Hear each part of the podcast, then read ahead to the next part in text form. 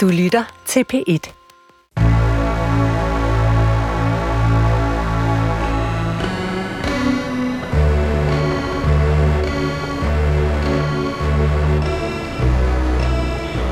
Du har ringet til Hemmeligheder på P1. Tak for din hemmelighed. Vi lover at passe godt på den.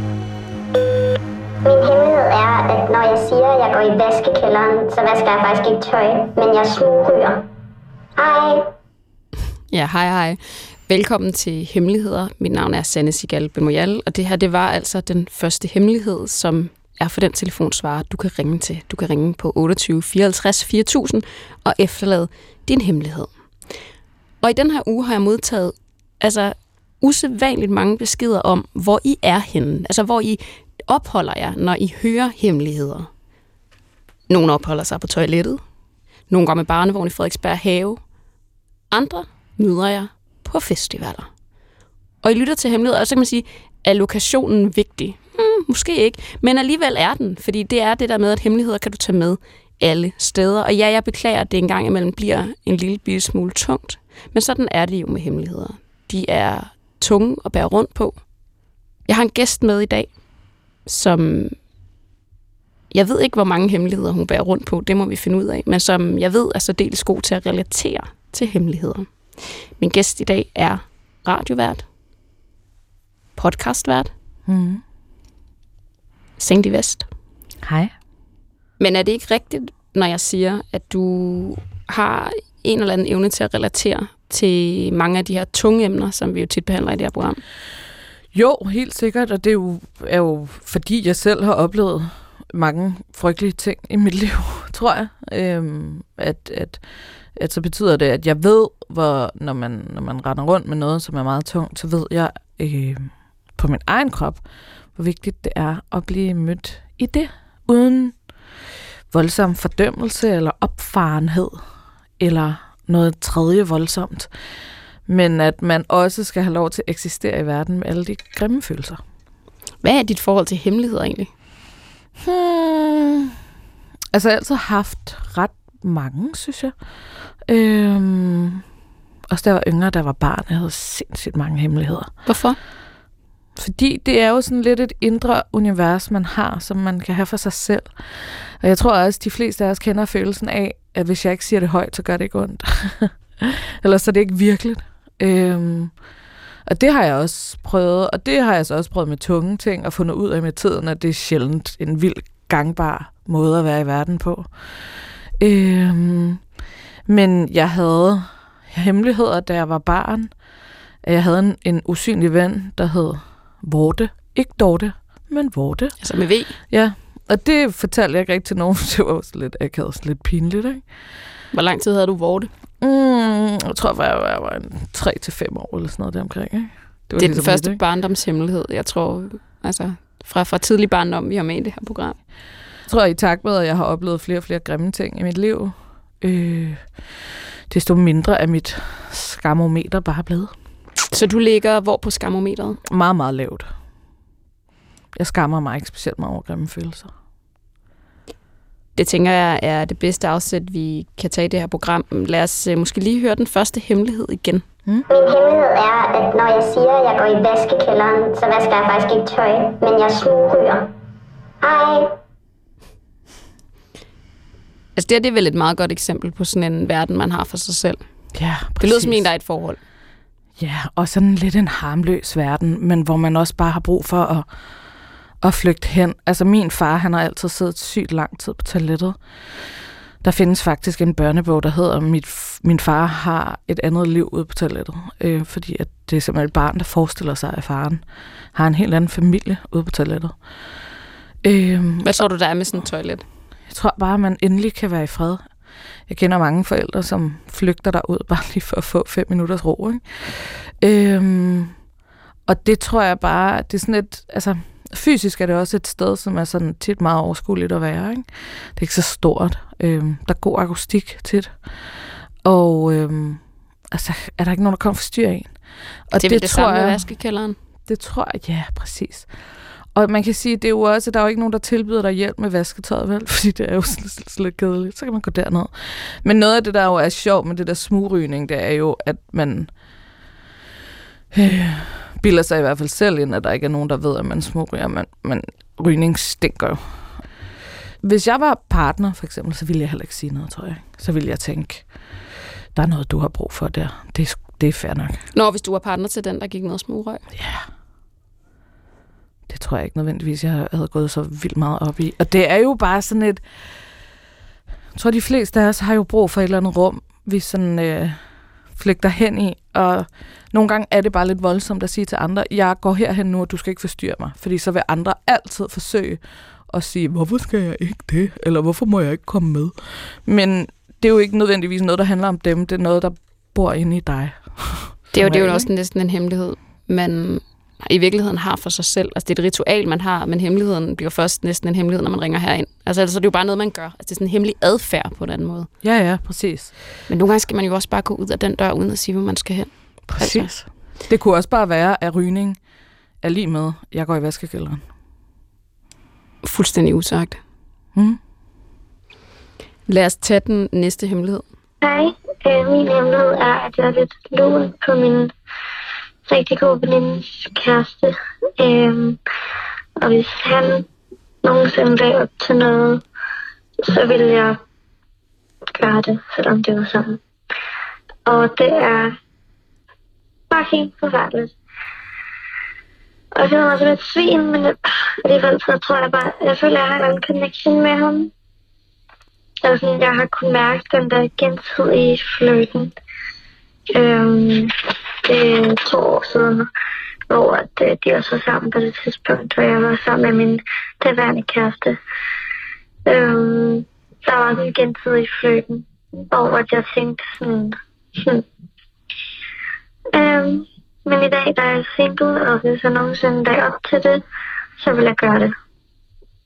Ja. Haha. Der er sådan en udvikling i den her øh, hemmelighed, at der er sådan noget med, det starter med, at vi får forklaret hemmeligheden. Mm. Jeg tror altså, hun forklarer den for sig selv. Så bliver der ligesom stillet sådan en, et benspænd op. Det, er, jeg tror, det bliver sagt, og det er helt forfærdeligt. Og så bliver der talt hen til, at jeg kunne måske godt forestille mig, at hvis han lagde op til noget, den her venindens kæreste, så ville jeg gøre det. Til til sidst at slutte med, at hvis han gjorde det, så tror jeg, så gør jeg det. Hej. Eller ja, hej. Ja. Så det er meget smukt det der med, at nogle gange så forklarer hemmeligheder også bare sig selv i, altså i, på telefonsvaren. Det her, det er en af dem. Hvor det er sådan noget med at realisere sig selv, imens man taler. Ja. Ja, og også noget med i virkeligheden jo at være mega usikker i det, selvfølgelig. Fordi at det er sådan en rimelig højspændt situation, ikke? Øhm, kan du huske den her epoke i dit liv? Altså, det lyder som om, det er en ung person. Ja. Det er, et ung, altså, det, er, det er en ung hemmelighed. Hmm. Jeg kan i hvert fald huske, at der var perioder, hvor øh, jeg måske ikke var helt klar over, øh, hvilke konsekvenser visse handlinger faktisk ville have resten af mit liv. Jeg har aldrig selv gjort det der, men jeg har været vidner til højspændte situationer, venskaber, som er gået i to.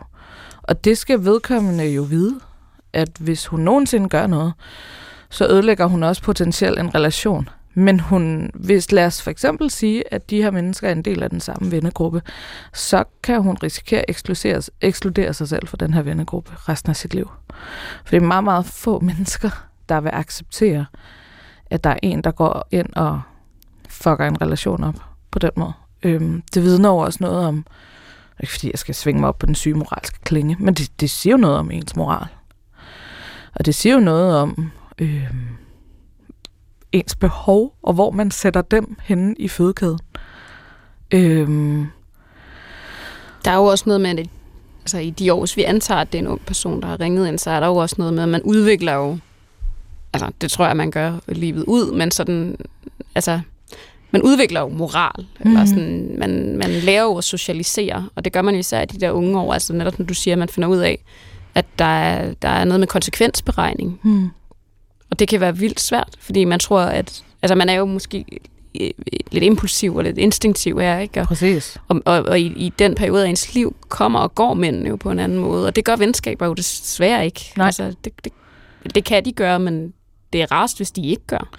Så jeg vil sige, jeg vil i hvert fald ærge mig, hvis jeg som nu 35-årig stod uden venner, som jeg havde kendt i mange år, fordi jeg som 22-årig kom til at følge mine instinkter lidt for meget.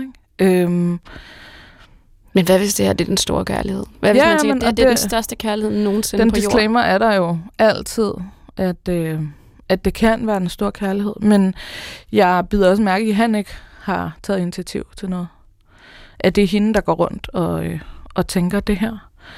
Så tror jeg, øh, hvis, hun, hvis det virkelig er den store kærlighed, så vil jeg da måske tage en snak med ham. Hive ham til side. Sige, hey, jeg, jeg synes faktisk, der er et eller andet... Øh, et eller andet bøvlet her for mig. Hvad, hvad tænker du om det? Øhm, Jeg kan høre, at venskaber betyder enormt meget for dig. Ja, helt vildt. Men det er også fordi, at jeg har... har øhm,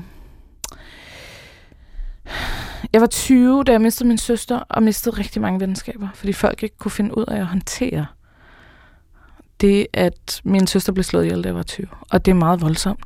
Og det er ikke, fordi jeg bebrejder de venskaber dengang, men jeg mistede mange venskaber. For de var fordi også kun 20. At, hmm, præcis. Hvordan håndterer man det som 20-årig? Det, det kan man ikke bebrejde nogen. Men jeg mistede mange venskaber på den baggrund. Øhm, og har altid...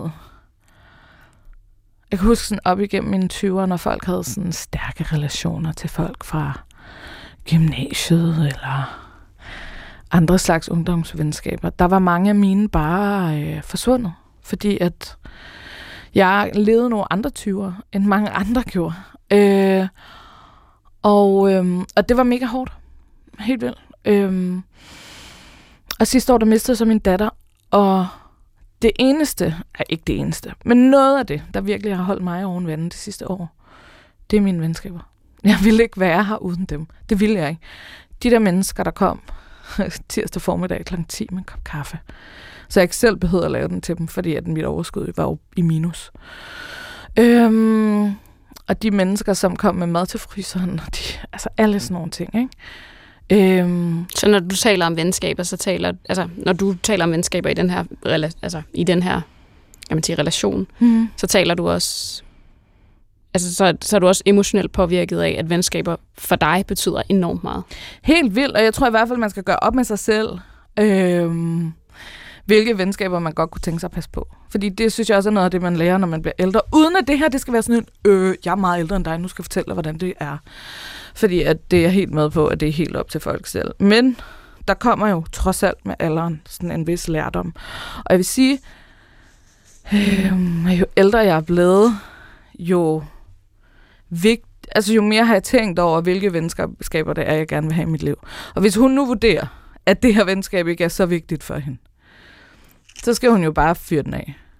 Altså for mig er det der med, at der står potentielt en part, som kan blive ked af det, som er hende den anden kvinde. Ikke? Men hende synes jeg jo, at han har ansvar for. Øh, det er 100% ham og hende, der har et ansvar for hinanden der.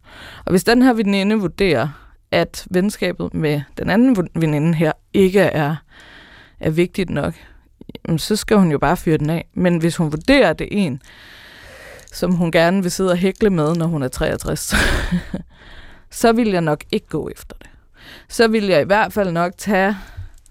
Fordi det lyder også lidt som om, at øh, hvis der, jeg vil nok gøre det, hvis der bliver lagt op til noget. Altså en fest eller noget random sted.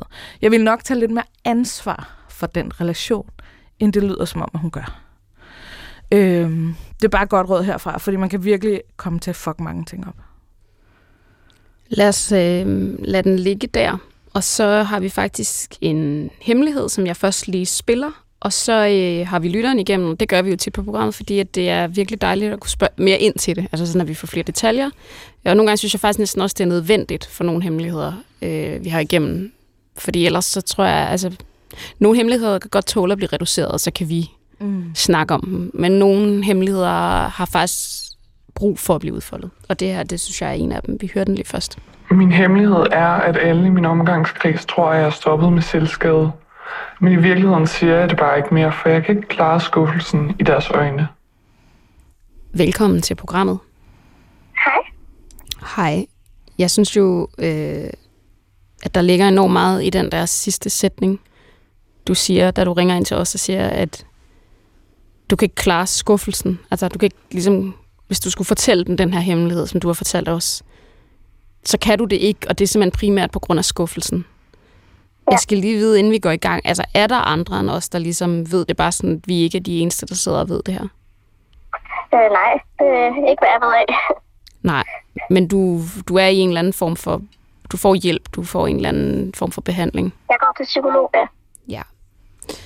Det er meget godt, at vi lige står på den, fordi vi er jo ikke psykologer, men jeg forestiller os lidt, at vi er dine forlængede ører.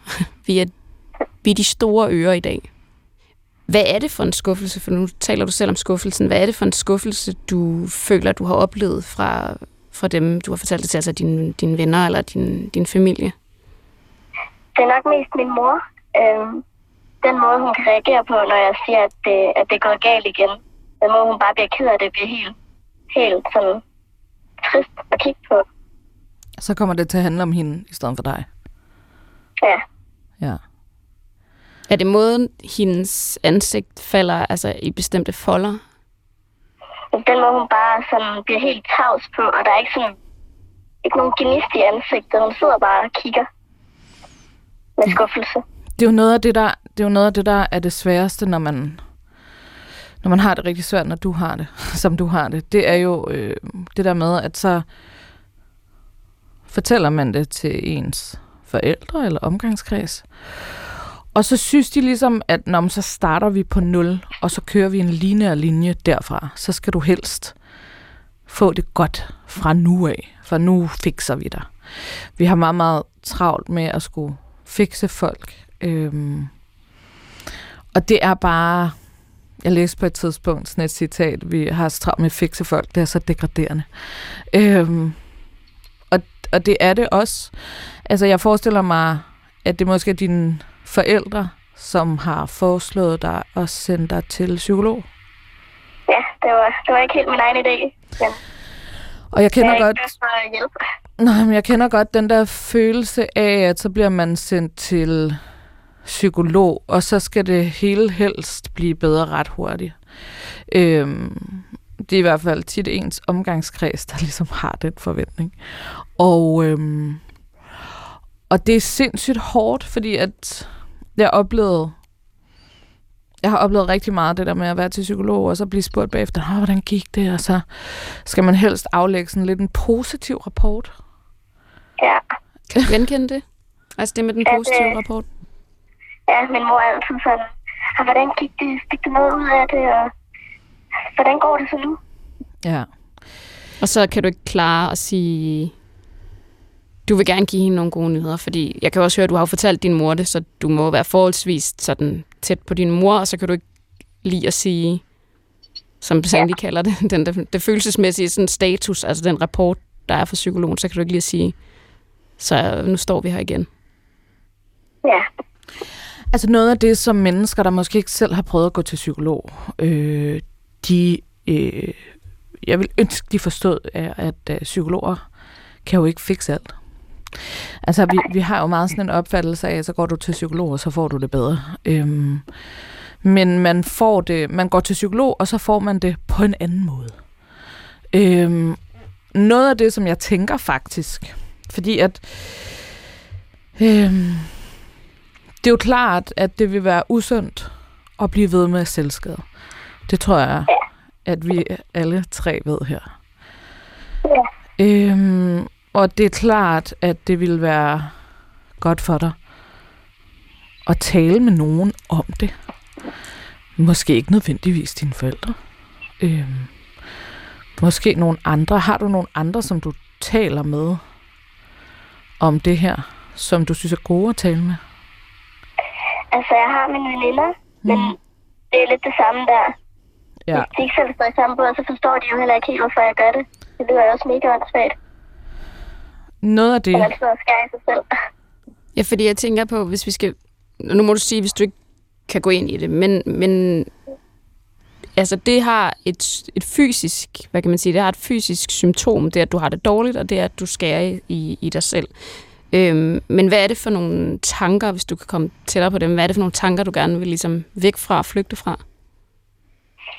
Nok øh, mest mit eget selvbillede og det at være i min egen krop. Hvad er det for et det, selvbillede? Det er, altså, jeg har ikke et særlig godt selvbillede af mig selv, og jeg kan ikke lide at være i mig selv. Så det der at kunne flygte lidt fra det hele. Mm. Ja. Altså, det er jo noget, rigtig mange mennesker kan genkende. Det der med, at det godt kan være lidt svært at være i sig selv. Der er mange, der helt sikkert kan sidde derude og genkende det. Derfor også skal jeg lige sige en, en trigger, selvfølgelig, at lytte til det her program. Jeg tænker, at det er bestemt ikke sikkert, at dine venner selv skader. Det håber jeg ikke. Men, men jeg tænker, tror du ikke, de ville kunne genkende følelsen af ikke at kunne være i sig selv? Altså, hvis du delte den med dem. Altså, at det kan være svært at se på sig selv, og det kan være svært at være i sig selv. Og især hvis man er et ungt menneske, kan det være vildt svært lige at finde hjem i sig selv. Tror du ikke, de ville kunne genkende det? Så jo, det, det, formoder jeg i hvert fald, at de godt vil kunne. Men jeg tror også bare, det er en svær samtale at have. Det er en mega svær samtale at have. Helt vildt. Altså, og det er også derfor, det er mega sejt, at du ringer herind. Øhm, jeg tænker på, om du er glad for din psykolog. Ja, altså, det er en ny, jeg har fået nu. Men mm. øh, jeg kan ret godt lide hende, og jeg får snakket med hende om de fleste ting, så jeg føler mig tryg. Hvad giver det dig egentlig at tale om det her? Sådan lidt en, en lettelse. Hmm. En, der, jeg, jeg kan jo ikke se jeres ansigtsudtryk, så det er, jeg bare kan sidde og snakke, uden at få nogen respons med mimik og Ja. diverse ting. Det jeg bare tænkte på, det var, om du kunne spørge din psykolog, om du kunne tage dine forældre med til psykolog. Også fordi, at jeg kender totalt godt det der med, at man ligesom sådan lidt bliver bindeledet mellem øh, omgangskreds, psykolog, og så er man ligesom den, altså det der med, at man skal holde styr på alle folks reaktioner, relationer osv. Om du fordi jeg, jeg forestiller mig, at det ville være en god idé at få fortalt dine forældre, at du stadig er selvskader. Men jeg forestiller mig ikke, at det er en specielt god idé, at du gør det på samme måde, som du har gjort hidtil, for det virker tydeligvis ikke for dig. Ja. Øhm, og det jeg tænker, det er, om man kunne forestille sig, at du spurgte dine forældre, har I lyst til at tage med til psykolog? Lige se, hvordan sådan en session foregår. Øhm, og så kunne du, din psykolog måske hjælpe dig med at fortælle det. Hvad tænker du om det? Altså, det er i hvert fald en situation, hvor jeg ikke rigtig selv skal sådan Ja. levere det. Og det er netop det, jeg kunne godt tænke mig at tage noget af ansvaret for alt det her fra dig. Jeg kunne godt tænke mig, at det ikke er dig, der skal sidde med alle de grimme følelser, men du så også samtidig skal sidde med ansvaret for at løfte din mors grimme følelser og din fars, og så også ligesom overlevere. Fordi tit så er det sådan noget med, så kan du sige, "Nå, men så sagde psykologen også det her, det her, og så det ville være en god idé for jer at gøre det her, men så bliver det ikke nødvendigvis fuldt op. Sådan, så det bliver sådan et fælles ansvar for jer. Ja. Der er i hvert fald noget med, at det kan være ekstremt svært at oversætte, hvad der sker i en psykolog, altså i sådan en terapitime, kan være ekstremt svært at oversætte. Ja. Og jeg tænker, at det har du ret i, altså hvis man kan lukke folk ind i det rum, som måske er det sværeste rum for dig at lukke nogen ind i, hvis du kan det, så tager det lidt af ansvaret øh, fra dig. Og jeg tænker også, at den velidenhed, som du næsten ikke, eller den skuffelse, som du næsten ikke kan holde ud at se malet i din mors ansigt, den vil, måske, den vil du måske faktisk også kunne undgå i det at tage hende, altså i det, at du inviterer hende ind i det rum. Ja. Lyder det helt kan frygteligt s- for dig, eller lyder det som om, at du kunne overveje det? Det lyder som om, man kan overveje. Det vil nok lige tage lidt, øh, lidt tid at få sig selv til. I her til sidst, hvilke begrænsninger synes du, det har for dig at holde det her hemmeligt? Altså, det, der er bestemte ting, jeg ikke rigtig kan gå i, for ligesom ikke at afsløre mig selv. Mm. Så. Men ellers er det jo bare mig, der er fanget i en lille verden. Det er dig, der er fanget i en lille verden. Kan du beskrive den verden? En verden, hvor man ikke skal klare sig selv, fordi man ikke tør række ud til folk. Mm. Er, det, øh, er der noget, du er blevet klogere på de sidste 15 minutter? nok begyndt at overveje lidt mere om, om jeg skal holde skjult meget længere. At... Det er følelsen af ikke at stå alene. Ja. Ja. Det er følelsen af at prøve at gøre din lille verden meget større. For du sagde det, du føler, at du har en lille verden, hvor den måske også i virkeligheden bliver mindre og mindre, fordi du ligesom også er nødt til at holde nogle ting skjulte. Så det er noget med at prøve at gøre den lille verden øh, større og større. Og du kan måske se den her psykolog som en eller anden form for tolk. du taler et sprog, resten af verden taler et andet sprog. Måske kan du få din psykolog til at, at oversætte til resten af verden. Ja. Tusind tak, fordi du ringede ind til os. Jeg håber, vi kunne være dine store ører for, øh, for dagen. Så tusind tak. Kan du genkende det der med, at skuffelsen og medlidenheden, måske så især medlidenheden i den situation, du har stået i, at den, altså den gør, at du faktisk bare i stedet for bare lukker ned? Ja, totalt. Altså hvis, hvis man sådan gentagende gange bliver mødt med en eller anden forventning om, at man sådan meget hurtigt skal få det bedre, eller at... Altså sådan, jeg tror, vi kunne, vi kunne godt tænke os som mennesker at betragte ting ud fra sådan en meget, sådan en meget lineær betragtning, at det skal helst gå sådan slag i slag. Men det der er jo faktisk sjældent noget, der gør, øhm, når det handler om vores indre og vores følelsesliv.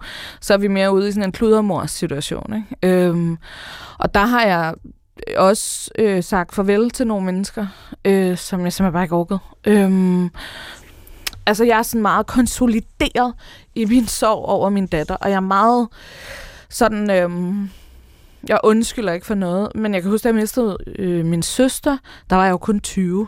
Øh, og der var jeg meget mere usikker i min sorg, og hvor meget må man fylde, og hvad må man kræve, og så Kan du videre. godt ikke? genkende det, som hun også taler om at gøre verden lille? Altså ja. fordi man ikke kan overskue andet. Fuldstændig. Øh, og det handler jo rigtig meget om verden omkring en. Det handler jo rigtig meget om reaktioner. Og hvad man ligesom, du ved, bliver budt af verden. Øh, og hvor man gider ikke. Jeg var så træt af at være den der freak. Altså, at jeg har en tatovering på mit håndled, som jeg fik, da jeg var 21 og mig og min søster. Og når folk spurgte, øh, hvem de to piger var, så sagde jeg bare, det er bare mig og min veninde. Fordi jeg orkede ikke at fortælle det til folk. Vel? Og det tror jeg, at det handler jo rigtig meget om, at folk, altså vi som danskere, synes jeg, er vildt dårlige til at håndtere svære ting. Vi er vildt dårlige til at håndtere depression og sorg og så videre, fordi vi synes, det er meget, meget farligt. Men det er vel også noget med, at det kan være ekstremt svært at være i for de pårørende. Altså at hvis det er svært at have ondt i livet, altså hvis man synes, altså, hvis man synes, synes, det er svært at se på, at folk har ondt i livet, fordi at man tænker, at der er en løsning. Men vi skal være Så meget kan du- bedre til at sige, at det handler ikke om dig. Nej, Du måske handler det ikke om den løsning. Altså jeg tænker, at Men det der med, at sådan, lad os sige for eksempel, at der er en, jeg har rigtig tæt på mig, der kommer og siger, at jeg har det meget, meget svært, så er jeg nødt til at pakke min egen følelser omkring det til side. Dem kan jeg så dele med nogle andre. Jeg kan dele med min mand eller med min mor. Men det er noget af det, for eksempel, som jeg synes, mine forældre var mega seje til, da min mand og jeg, vi mistede vores datter, det var, at de bare var der og lyttede. Der var ikke noget, der havde jo var også farligt. sproget. Præcis, der var ikke noget, der var farligt.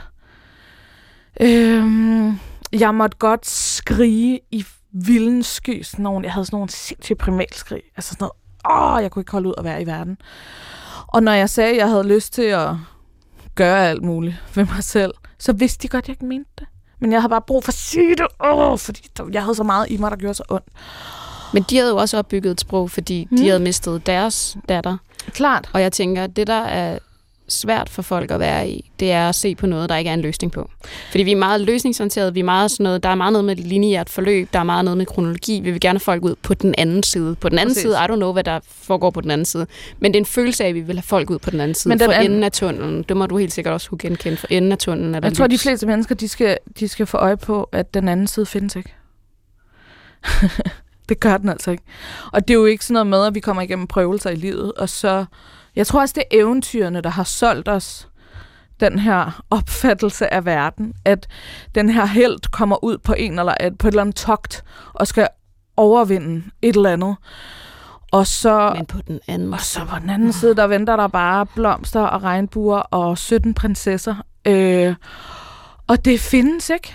Øhm, I virkeligheden, fordi livet er bare noget andet, og det er ganske uforudsigeligt. Altså, dramaturgien i livet er jo, er jo virkelig dårligt. Det er jo derfor, at når, folk, når man skal portrættere folks kendte menneskers liv øhm, på film, så er man tit nødt til at bygge et eller andet kunstigt univers op, op omkring det også, fordi at det er sjældent sådan, det forholder sig. Og jeg tror, noget af det bedste, man kan sige til sig selv, det er, det handler ikke om mig. Den her hemmelighed, som jeg afspiller nu, den handler i den grad også om et levet liv. Man prøver lige at lytte til den her. Min hemmelighed er, at jeg har været sammen med min mand i næsten 20 år, siden vi var meget unge. Og jeg elsker ham, og jeg synes, han er lækker, og jeg tænder også på ham. Men jeg har ikke orgasmer med ham i i hvert fald 18 år. Fordi det var det nemmeste. Og selvom det var meget dumt. Øh, ja. Så det har jeg gjort. Hej. Hvis man ikke kunne høre det, så var det faked orgasmer i 18 år. Mm. Øhm, det, er, det er jo en, det er en parforholdshemmelighed. Mm-hmm. Og, og fake, altså at have været sammen for så lang tid, for det første er jo, Flot. Det er flot. Det er også ekstremt lang tid. Og det er ekstremt lang tid at have faked orgasmer. Altså på den måde, at der er det jo næsten en løgn for en selv også. Mm. Altså så må man jo på en eller anden måde, på et eller andet tidspunkt, gå over i løgnen for sig selv. Hvad tænker du om, når du hører, at nogen har faked orgasme i 18 år? Jeg synes, det er meget gennemført på en eller anden måde. Og så synes jeg faktisk, der ligger rigtig meget kærlighed i det. Øhm, vi gør jo meget for at, at tilfredsstille andre mennesker, især vores partner. Vi vil gerne have, at vores partner tror, at de er i hvert fald har en opfattelse af, at de er, er, er fede mennesker, vidunderlige mennesker. Øhm, og det synes jeg også, jeg hører i det her, at der er rigtig meget kærlighed i det. Så kan det jo også være en eller anden form for overskuelighed, uoverskuelighed i, at, at ens sexliv måske ikke fungerer præcis som, som man godt kunne tænke sig, at det gjorde. Det måske tager lidt lang tid at få den der orgasme, og man måske bliver lidt utålmodig hen ad vejen, og så synes man måske, det er lidt akavet at oplære folk i at give en en orgasme, så er det nemmere bare... Men er det ikke også lidt svært på år 11? Altså, at komme ind i den samtale. Altså, jeg mener, det er jo sådan en af de hemmeligheder, og det kender man jo godt, mm. hvor man... Altså, den har en start, den hemmelighed, ikke? Den har måske et par gange. Lad os give den et lille indløb på, på et par uger, ikke? Så er der en periode, hvor man stadigvæk godt kan sige det. Men der på år 11, Ja. der bliver den svær, ikke? Mm. Så kan man i hvert fald ikke fortælle hele sandheden. Der vil det så være fragment at sige, her på det seneste, synes jeg, det har, øh, har det været svært, øh, vores sexliv. Men jeg mener, det er jo ikke sådan en, hvor du så kan rulle den tilbage til der i 94, hvor vi mødte hinanden. Faktisk har du aldrig nogensinde tilfredsstillet. Nej, det vil, det vil være enormt degraderende at sige på nuværende tidspunkt. Jamen også fordi, hvis man har løjet om det, Ja, ja, det er jo det. så, så jeg tænker, selvom at jeg tror, det kommer af præcis det, du taler om, altså sådan en, en beskedenhed, eller en, Mm. en, en pleaser, altså en, en, Men er vedkommende, vil vedkommende gerne gøre op med det? det tror jeg ikke nødvendigvis. Nej, fordi det er også det, jeg tænker, vi er nemlig i gang med at lave løsninger nu. Jeg tror, jeg tror ikke nødvendigvis. Jeg tror Nej. Nej. bare, det er rart at sige det. Ja. Fordi det her, det er jo 18 år. Men jeg tror også, det er sådan en... Der er et eller andet sådan status quo-følelse. Altså, det, nu er det 18 år. Hvorfor tager man så ikke 20 og 25? Fordi det lyder også, som om der er en kærlighed i det her forhold. Jamen, det er netop det, og jeg vil bare lige sige, hvis din kærlighed kan overleve uden orgasmer, så er den meget stærk. Øhm, Stor kærlighed. Ja, Nej, men det mener jeg faktisk. Og jeg Ja. tror sagtens, man kan have kærlighed uden orgasmer. Altså, lad os være ærlige. øhm, så jeg tror også, at, at altså, jeg tror, der ligger enormt meget hengivenhed i det. Og så vil jeg lige sige, sex er heller ikke lige vigtigt for alle mennesker. Det er ikke alle mennesker, der finder 100% lykke i at få mega mange orgasmer. Nogle gange så har man, nogle mennesker har bare brug for at ligge og kramme med deres partner og hygge sig. Andre mennesker har brug for at have sex 14 gange om ugen, og det er også helt fair. Det er jo forskelligt fra menneske til menneske. Der er jo ikke én opskrift på, hvordan et parforhold skal fungere. Og det kan jo være, at partneren er helt vild med sex, og det kan være, at den anden her ikke nødvendigvis lægger lige så stor vægt i, hvor vigtigt det er. Øhm, Og nu ser du også, tror du, vi skal løse det? Jeg tror faktisk tit, man også ringer til det her program, bare lige at efterlade noget. Ja. Og så, øh, så siger man, som de siger i slutningen, hej, Ja. Fordi hvad skal man sige, når man har efterladt en hemmelighed? Ja, præcis. Så vi, så vi ses. Ja. Eller sådan. Det er jo også... Prøv at jeg har ikke fået gas mig i 18 år med min partner. Hej, hej. Og det mener jeg vidderligt. Be my guest. I må virkelig gerne efterlade sådan nogle hemmeligheder, der ikke behøver... Altså, der behøver ikke være en løsning. I behøver ikke løse alt i hele verden hele tiden. Det er jo også enormt stressende.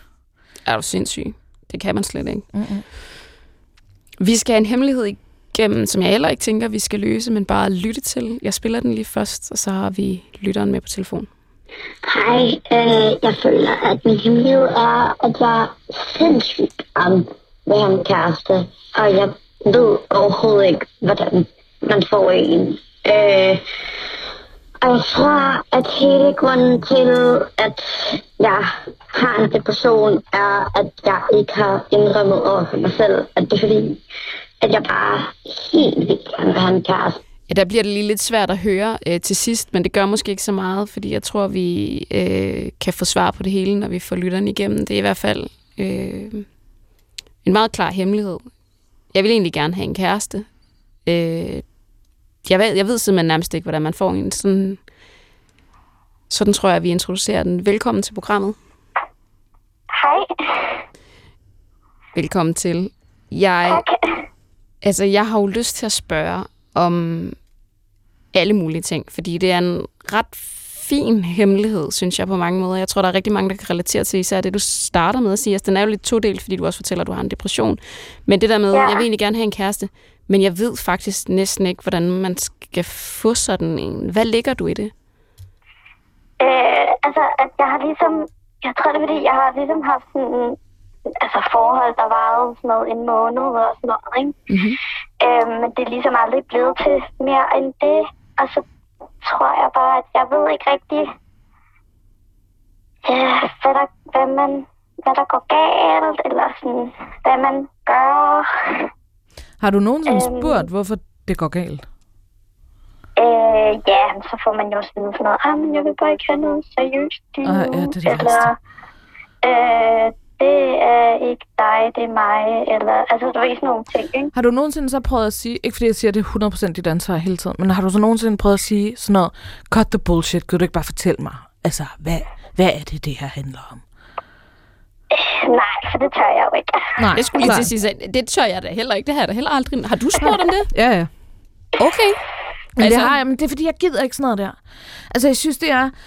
Jeg synes, det er så, igen, jeg synes, det er så degraderende, når vi skal skåne hinanden. Og jeg nægter bare, du lyder virkelig som et dejligt menneske, så jeg nægter at tro på, at der ligger noget sådan fuldstændig horribelt og venter, sådan et søvhuhyre et eller andet sted og venter.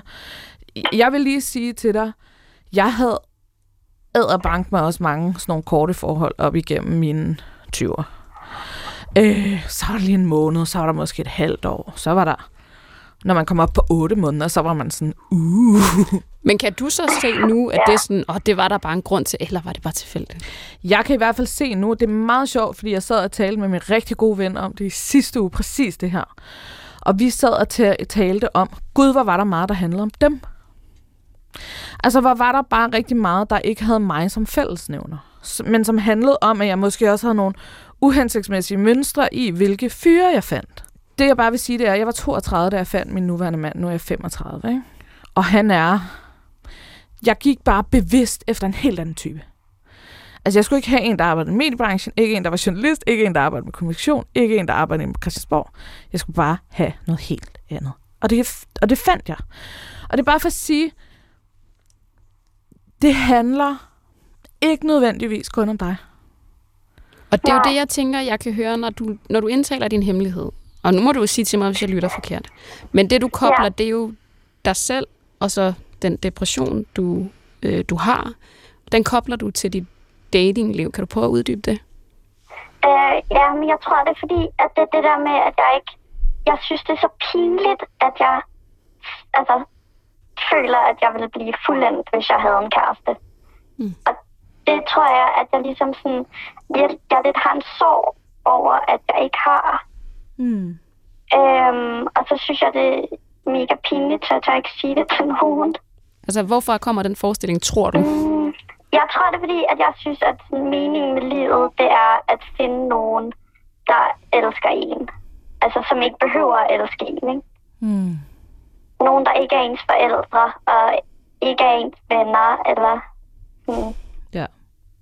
Altså, det er jo noget andet end ens venner. De skal jo ikke se det hele. Kan du godt selv høre, at den her øh, hemmelighed er ekstremt relaterbar? Det ved jeg ikke, jeg synes, det er vildt. Jamen, det er det. Jeg det, føler det ikke, at der er nogen, der har det sådan. Jeg føler, at alle andre, de får bare kærester på må og få, og alle dem, de kan lide, de kan også lide dem, og jeg kan fortælle dig, det at jeg har en hel venindegruppe, som er i 30'erne nu, hvor der er mange, der stadig ikke har kærester. Og jeg ved, at det også har været bakset for dem, fordi at man jo som menneske søger noget tryghed også, og noget nemt, og de der søndage, som kan være så freaking lange, Søndag er de længste. uden, uden en anden, hvor man er nødt til hele tiden at sørge for søndag efter søndag. Man har en kaffeaftale med en veninde, og man er til sidst ved at gå i spåne over det. Ikke? Det er bare for at sige, du er overhovedet ikke alene. Jeg kan også huske det. Jeg kan huske øh, det der med at fylde 30, der havde jeg ikke en kæreste. Øh, og jeg kan huske den der sådan følelse af, jeg, ble, jeg vil lige sige, jeg blev droppet til min 30-års fødselsdagsfest af en mand. Ikke? Åh, Ja, hårdt nok. Øhm, ja, og, og du ved, altså, den der følelse af at vågne op dagen efter og bare føle sig sådan helt alene i den der kæmpe store verden, den er du overhovedet ikke alene med. Den er sindssygt relaterbar. Det jeg bare siger, det er, jeg har set det ske alt for mange gange før. Nej, det jeg bare siger, det er bare, jeg har godt nok set det her mange gange op igennem livet. Og det er ikke kun noget, der bor inde i dig. Og det handler ikke kun om dig. Det er ikke dig, der er forkert. Og når jeg... nej. Nej. Undskyld, du sagde nej. Nej. Og jeg tænker, at det var derfor, mit ledende spørgsmål måske også var lidt flabet. Jeg vil bare... Altså, om, om du selv kunne mærke, at det er relaterbart. Fordi du har jo ringet her ind, fordi du synes, det er en hemmelighed. Du har ringet her ind, fordi du synes, det er skamfuldt, og du synes, det er pinligt. Men Ja. når vi hører den, os der Ja. sidder i studiet, så tænker jeg bare, prøv at høre, det er den mest relaterbare hemmelighed. Udover at nogen pillede bussemænd, den var der også mange, der synes var relaterbar. Så er det måske den mest relaterbare hemmelighed nogensinde i hemmelighedsprogrammet, fordi Ja. same girl, same. Also, der har aldrig nogensinde været flere singler i Danmark, end der er i dag. Øhm, der er sindssygt mange mennesker, som bor alene. Og det siger jeg ikke som sådan en dommedagsting. Jeg siger det bare som sådan en, det, det er du overhovedet ikke alene omkring. Men det kan jeg jo sige tusind gange til dig, og følelsen bor stadig inde i dig. Øh, Ja. Og det, ja, præcis. Og det er, jo, det er jo det der med, at jeg kan prøve at tale til din fornuft, men dine følelser føler bare noget andet. Og det kender jeg om nogen virkelig, virkelig, virkelig godt. Men det, jeg tænker, det er bare, øhm, at jeg kunne så godt tænke mig, eller jeg ønsker mig sådan, at du ikke kun vender det indad. Øhm, fordi jeg forestiller mig, at nogle af de der et måneders forhold, du har haft, det handler jo ikke kun om dig. Der er jo to i en relation. ja, men der er jo også nogle af dem, hvor at de godt kan lide mig, og jeg så ikke kan lide dem. Ja. Og så er der jo så dem, hvor jeg godt kan lide dem, og de så ikke kan lide mig. Og det er jo skæbnens ironi. Og det er jo pisse irriterende, det der, ikke? Øhm, og jeg kan jo ikke sidde og love, at en eller anden dag møder du en, og så siger det skralde bang, og så er det bare mega fedt. Men der er en stor sandsynlighed for, at det sker, for det sker for relativt mange mennesker. Øhm, Ja, Lyder det helt skørt, når vi siger det? Sådan, at ah, der er jo en stor sandsynlighed for, at du møder nogen. Lyder det så som noget, vi bare siger? Eller tror du? øh, nej, det tror jeg jo på, men jeg tror, jeg er også bare så bange for, at jeg så ødelægger det. hvordan? Altså, at jeg er irriterende, eller Hvordan skulle du være irriterende? jeg ikke. Altså, vi er jo alle sammen irrit- altså, irriterende, lad os være ærlige. Hvorfor skulle du være mere irriterende? Det, det ved jeg ikke. Altså, hvis jeg gør et eller andet, de synes, jeg er irriterende, eller jeg er ikke god nok i sengen, eller altså, Klart. alle de der usikkerheder, man kan have, ikke? Jo. Så er jeg sådan der, så kommer jeg til at ødelægge det igen. Har du prøvet her afslutningsvis, har du prøvet at gå på den øh, store, uh, svære oplevelse, eller sådan, den store, svære opdagelse, der hedder rejsen helt ind i dig selv, hvor du prøver at finde ud af, hvordan du kan blive helt uden en kæreste? Det har jeg jo prøvet, men ikke ærligt. Altså, hvis du forstår mig. Altså, jeg har Mm. sagt, at det er det, jeg gør. Ja, Men jeg har jo ikke gjort det. Altså, jeg har jo ligesom sådan opbygget en idé om, at jeg er en stærk, uafhængig kvinde. Men jeg har jo ikke følt det. du griner. Om grunden til, at jeg griner, det er fordi, at, at jeg kan huske, at Sanne og jeg, vi har siddet nede på Sønder Boulevard for nogle år siden, hvor vi begge to havde det så lidt heartbreak-agtigt. Øhm, og, at vi, og vi meget fortalte hinanden, at vi var nogle stærke, uafhængige kvinder, øh, som i hvert fald godt kunne klare os, men bare var lidt ked af det lige på det tidspunkt Søndag. om søndagen. Og, og det, jeg bare gerne vil sige med det, det er, at det er derfor, at det er så relaterbart, det du siger. Og jeg har haft præcis de tanker, som du har. Og det handlede, kan jeg se i bagspejlet, rigtig meget om, at jeg havde mødt nogle mænd, der fik mig til at føle det der. Fordi at det der med, at det der med, hvis man så... Jeg kan huske, at jeg... At jeg øhm, det der med, når man havde et skænderi, og så tænkte man, nu, nå, men så må vi jo gå fra hinanden, for nu har vi skændtes. Og der var det sådan en helt ny verden at møde min mand, og så vide, at nu skændes vi ikke specielt meget, men at når vi engang imellem gør det, så betød det ikke, at man gik fra hinanden. Nej. Øhm, og det jeg, bare, det jeg bare gerne vil sige, det er, at du prøv, om du kan få øje på mønstre. Hvilke mænd er det, du tiltrækkes af? Hvilke mænd har du været sammen med? Hvis du er vant til at gå til højre om søen, så gå til venstre. Bare prøv. Hvis du er, Ja. ja. hvis du er vant til... Altså, jeg føler jo, at jeg har prøvet det. Klart. Men prøv igen. øhm, ja. Og så prøv egentlig, øh, næste gang du er sammen med en mand, øh, så prøv for alt i verden ikke at vende det hele indad. Ja. Men prøv at, at, at, at virkelig punk ham for oplysninger. Fordi jeg ved godt, du er bange for ja. de oplysninger. Men ja. det kan være, at han siger et eller andet, som du har gjort, og så sidder du og tænker, det har jeg overhovedet ikke gjort, lad det være. øhm, og det handler bare om, at jeg synes, at du skal give dig selv den gave, at du i hvert fald ikke lever i uvidshed. Ja. I uvidsheden kan mange ting blive meget større. Ja, og det, det, må man altså sige. det må man altså sige. Og jeg tænker, at øh, jeg vil slutte af med at sige, udover at sige tak, fordi du ringede ind, hvilket jeg synes var virkelig fint og meget ærligt og meget relaterbart. Så jeg siger, at man bliver aldrig rigtig god til forhold, fordi alle forhold er forskellige.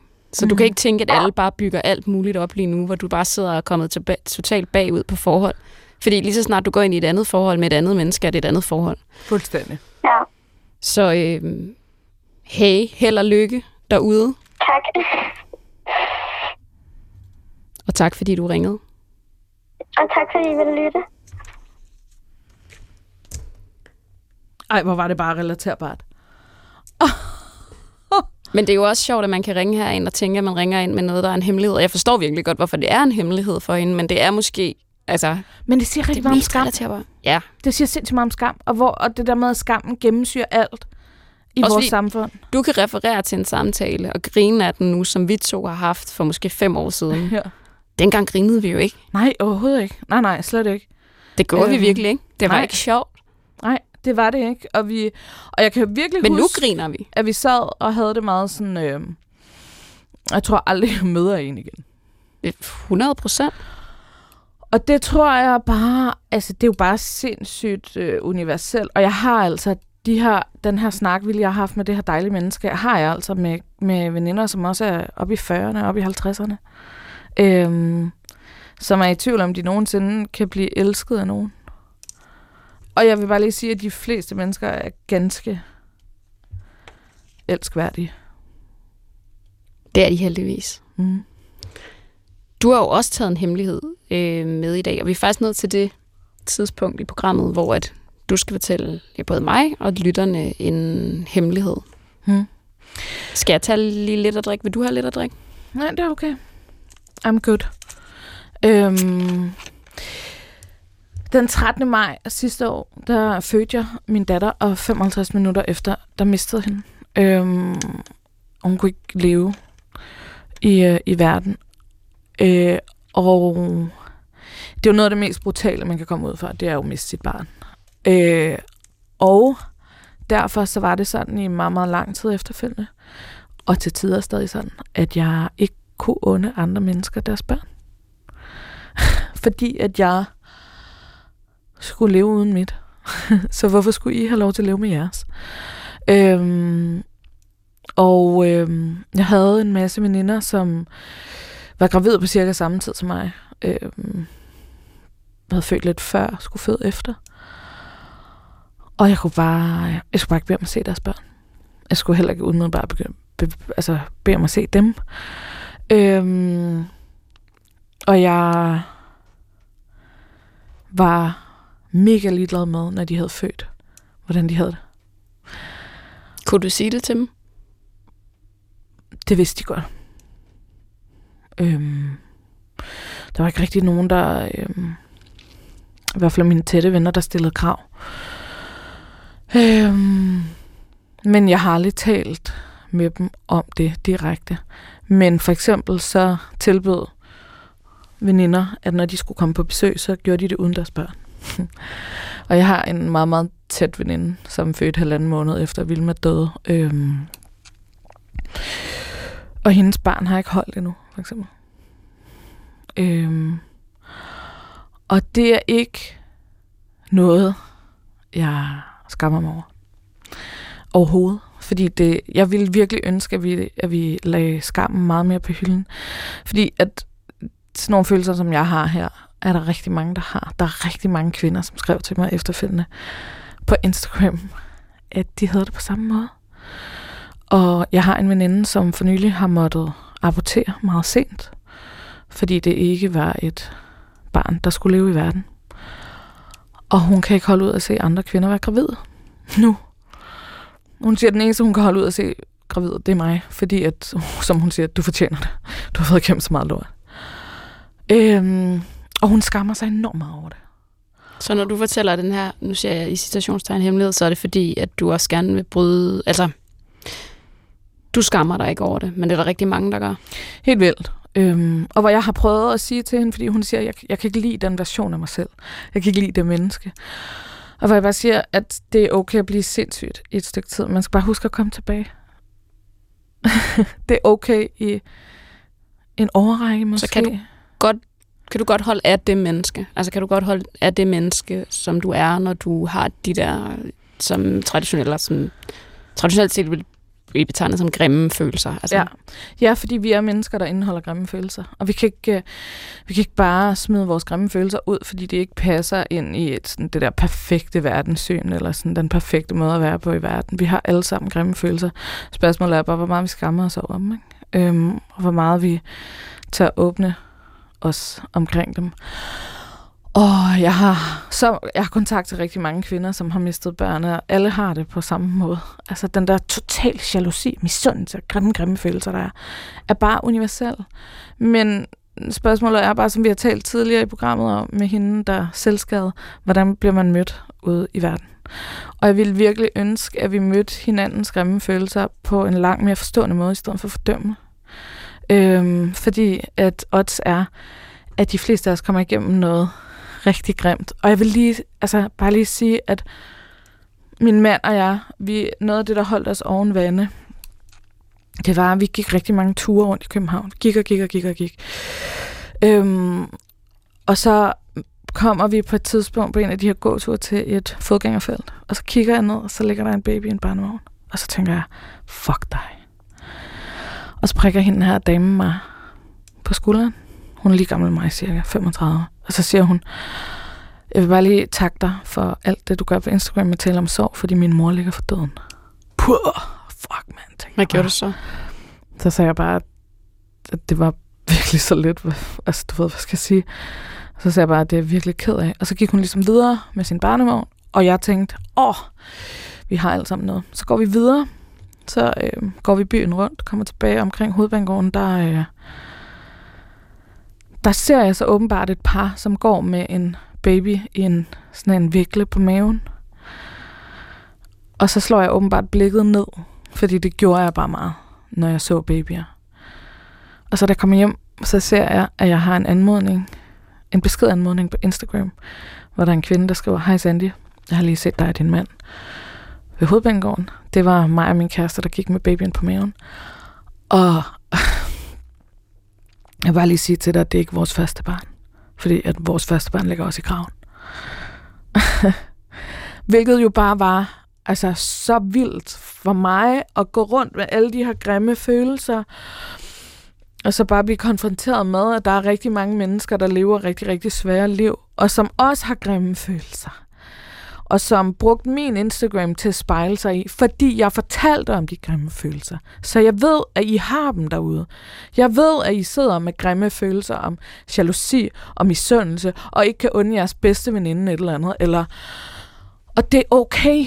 Vi kan ikke være hele grounded, vidunderlige mennesker hele tiden. Det er umuligt at være. Men jeg siger bare, du må godt blive sindssyg du må godt blive vanvittig, og du må godt komme rigtig langt ud. Du skal bare huske at komme tilbage på et tidspunkt. Fordi at jeg tror ikke på, at vi kan leve et liv, hvor vi hele tiden rummer hinanden med det største overskud overhovedet. Fordi at livet er ikke lineært. Det er klodermor. Tusind tak, fordi at du fortalte din historie, og jeg ved jo, at det, man kan sige, du har jo gjort en død af at gøre det, som mange vil bære rundt på som hemmeligheder, til, til principielle historier, altså mm. til samfundsanlæggende. Og øhm, jeg synes, vi skal slutte af på at sige, at du tror, du ved, men du ved ingenting. Nej. Og øh, tak, fordi I øh, lyttede med derude.